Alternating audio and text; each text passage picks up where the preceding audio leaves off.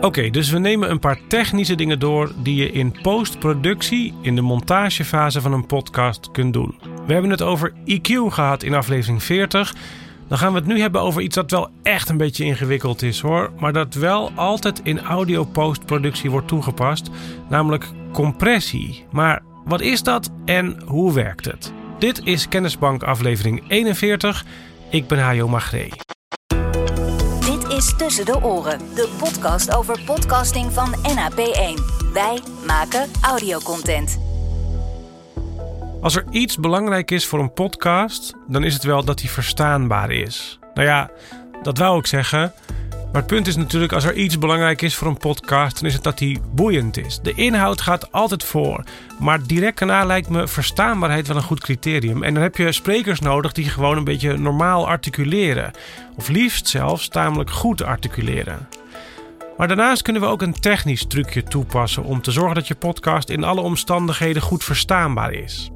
Als jij in het echte leven face-to-face met iemand praat en er is heel veel omgevingslawaai, dan zal diegene haast vanzelf de neiging hebben wat harder te gaan praten, al was het maar omdat hij zichzelf anders niet goed hoort. En tot op zekere hoogte kun je dat natuurlijk ook doen met het volumeknopje op je smartphone of de stereo thuis of het knopje van de autoradio. Als het te zacht is en je het niet meer goed kunt verstaan, dan zet je hem wat harder.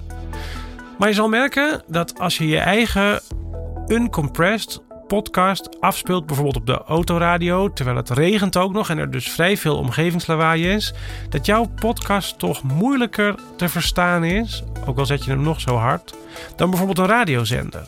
Je moet je podcast dan haast overdreven hard zetten, waardoor het echt hard overkomt. En dan is de verstaanbaarheid soms nog mm, minimaal, of in ieder geval niet optimaal. En ik denk dat dat dan vaak komt omdat je geen compressie hebt gebruikt. Zo'n compressor kun je ook voor allerlei muzikale doeleinden gebruiken. Maar als we het toepassen op stemmen, dan gebruiken we het eigenlijk altijd om de verstaanbaarheid te vergroten, zonder het effectief meetbaar echt harder te maken. Eigenlijk zit er in elke audio-editor wel een compressor. En als je wil weten hoe ik dat precies toepas, dan kun je ook even luisteren naar een bonusaflevering die iets verder naar beneden in dit podcastkanaal zal verschijnen. En daarna laat ik helemaal horen hoe ik dat doe. Uh, compressie toepassen, maar ook EQ en nog een aantal andere plugins. En er is trouwens ook nog een YouTube-versie van dat verhaal. En die kan je vinden op het YouTube-kanaal van NAP1. Maar goed, ik zei dus, in elke audio-editor zit een compressor. Maar wat doet dat ding nou precies? Nou, in de basis is het principe van een compressor eigenlijk dat die zachte delen van het geluid harder maakt. En dan bedoel ik niet iemand die aan het eind van een podcast uh, veel zachter is gaan praten dan aan het begin, een half uur eerder. Ik bedoel dat die compressor razendsnel binnen milliseconden ingrijpt op harde en zachte delen in het geluid. De zachte delen van gesproken woord zijn bijvoorbeeld de T's of de K's of de N'tjes die iemand zegt. Die zijn over het algemeen zachter dan bijvoorbeeld een A. Een, een A is trouwens een van de hardste geluiden in de menselijke stem. Maar die T's en D's en B's, die heb je wel nogal hard nodig voor de verstaanbaarheid van woorden, voor de articulatie zou je kunnen zeggen. Als je die niet goed kunt horen, dan kun je nog wel raden wat er gezegd wordt. Je hersens maken daar wel wat van, maar het wordt vermoeiender.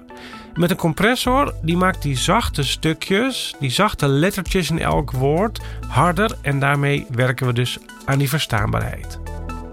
Maar nou wordt het een beetje ingewikkeld. Een compressor werkt eigenlijk in eerste instantie andersom. Dus het eindresultaat is weliswaar dat de zachte delen harder zijn, maar een compressor begint nou juist met de harde delen zachter te maken. Laat ik het proberen uit te leggen. In aflevering 30 heb ik het ook al eens gehad over zo'n vrachtwagen met verticale stukken hout in de laadbak die door de tunnel rijdt.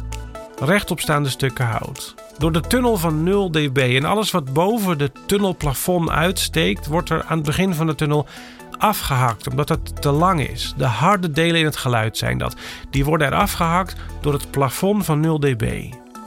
Dus om dat te voorkomen willen we ons geluid wat zachter zetten, zodat die pieken niet door dat plafond heen gaan, niet onder het dak van de tunnel schuren. Maar het gevolg daarvan is natuurlijk dat we dan ook de zachte delen zachter maken. En dan kan je dus zeggen, de dynamiek is te groot. Het verschil tussen de pieken, de hardste delen, en de zachtste delen, het verschil daartussen is te groot. En we kunnen werken aan die verstaanbaarheid door dat verschil kleiner te maken. En hoe werkt nou een compressor? In stapjes eigenlijk. Een compressor kijkt in eerste instantie naar de pieken en alle pieken worden bijvoorbeeld 3 of 4 decibel zachter gemaakt. Even terug naar onze vrachtwagen. We zouden kunnen zeggen dat de allerlangste stukken hout een beetje worden afgezaagd van tevoren, ingekort. Dan is het resultaat dat je het geheel dus zachter hebt gemaakt. Maar doordat de pieken nu minder ver boven de zachte delen uitsteken, kunnen we nu het geheel harder maken, zonder dat die lange stukken het plafond van de tunnel raken. En het eindresultaat is daardoor dus dat we de zachte delen harder hebben gemaakt. Want de harde delen zetten we weer terug op hun oude niveau. Dus dat is het principe van een compressor. Nou zitten er heel veel instellingen op de meeste compressors. Attack, release, ratio of compressie, threshold. Dat zijn zo'n beetje de belangrijkste. En de threshold is de waarde waarboven die compressor in moet grijpen. Dus bijvoorbeeld als je die op min 10 decibel instelt, dan gaat hij alles wat boven de min 10 uitkomt zachter maken. De attack-snelheid in milliseconden is de snelheid waarmee de compressor reageert op een piek boven die min 10. En de release is hoe snel die dat ingrijpen weer ongedaan maakt als het signaal weer onder die min 10 zakt. En de compressie of de ratio is dan hoeveel die moet ingrijpen. Dus als het geluid boven de min 10 uitkomt, hoeveel moet er dan af? En meestal werkt dat in een verhouding. Dus hoe harder je er bovenuit stijgt, hoe harder de compressor ook ingrijpt. Nou, je hoort nu al, ik ga hier in sneltreinvaart doorheen, dat het tamelijk ingewikkeld wordt. En ik heb er zelf ook echt al een paar jaar over gedaan voordat ik minieme verschillen kon horen die het maken van dergelijke instellingen tot gevolg hebben. En ik leer daar nog in elke dag bij. Ik ben echt niet een audio-engineer die dit gebruikt om het nieuwste album van Adele af te mixen, maar ik kom een aardig eindje hiermee. Ik kan je dus wel de settings geven die voor mij meestal goed werken, maar er zijn meerdere wegen die naar Rome leiden. Ik heb de attack meestal op 2 tot 3 milliseconden staan. De release op zo 12 milliseconden. De compressie of de ratio op 2,5 tot 1. En dan die signaalwaarde, die threshold. Ja, die, dat hangt er natuurlijk vanaf hoe hard het geluid is dat je erin gooit. Uh, maar als je dat uh, hebt gegainstaged, als je daar al wat in hebt gedaan, dan zou het zonder compressie zo'n beetje moeten schommelen rond de min 17 decibel. En dan zou je de compressor op ongeveer min 24 moeten instellen.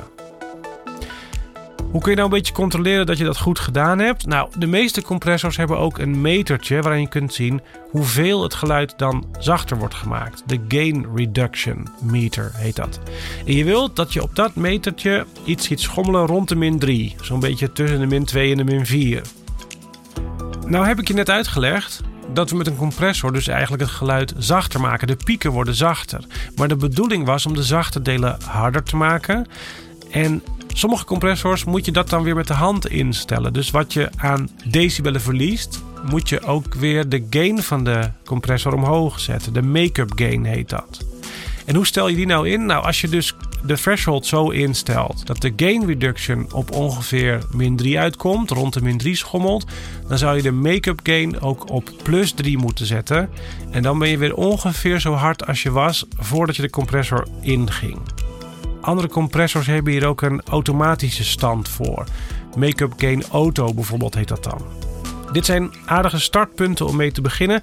Wat betreft die compressie. Dit is wel een onderwerp wat je misschien ook even moet zien. Daarom is er dus ook een YouTube-versie van het masteren van podcasts. En daar is compressie een onderdeel van. In die YouTube-video zie je ook hoe ik EQ toepas en een de-esser en nog wat andere dingen. En die YouTube-video die kun je vinden op het YouTube-kanaal van NAP1. Dat was het. Je kunt de informatie uit deze aflevering ook terugvinden in de podcast Kennisbank op onze website. Dit was Tussen de Oren van NAP1. Wij maken audiocontent. NAP1.nl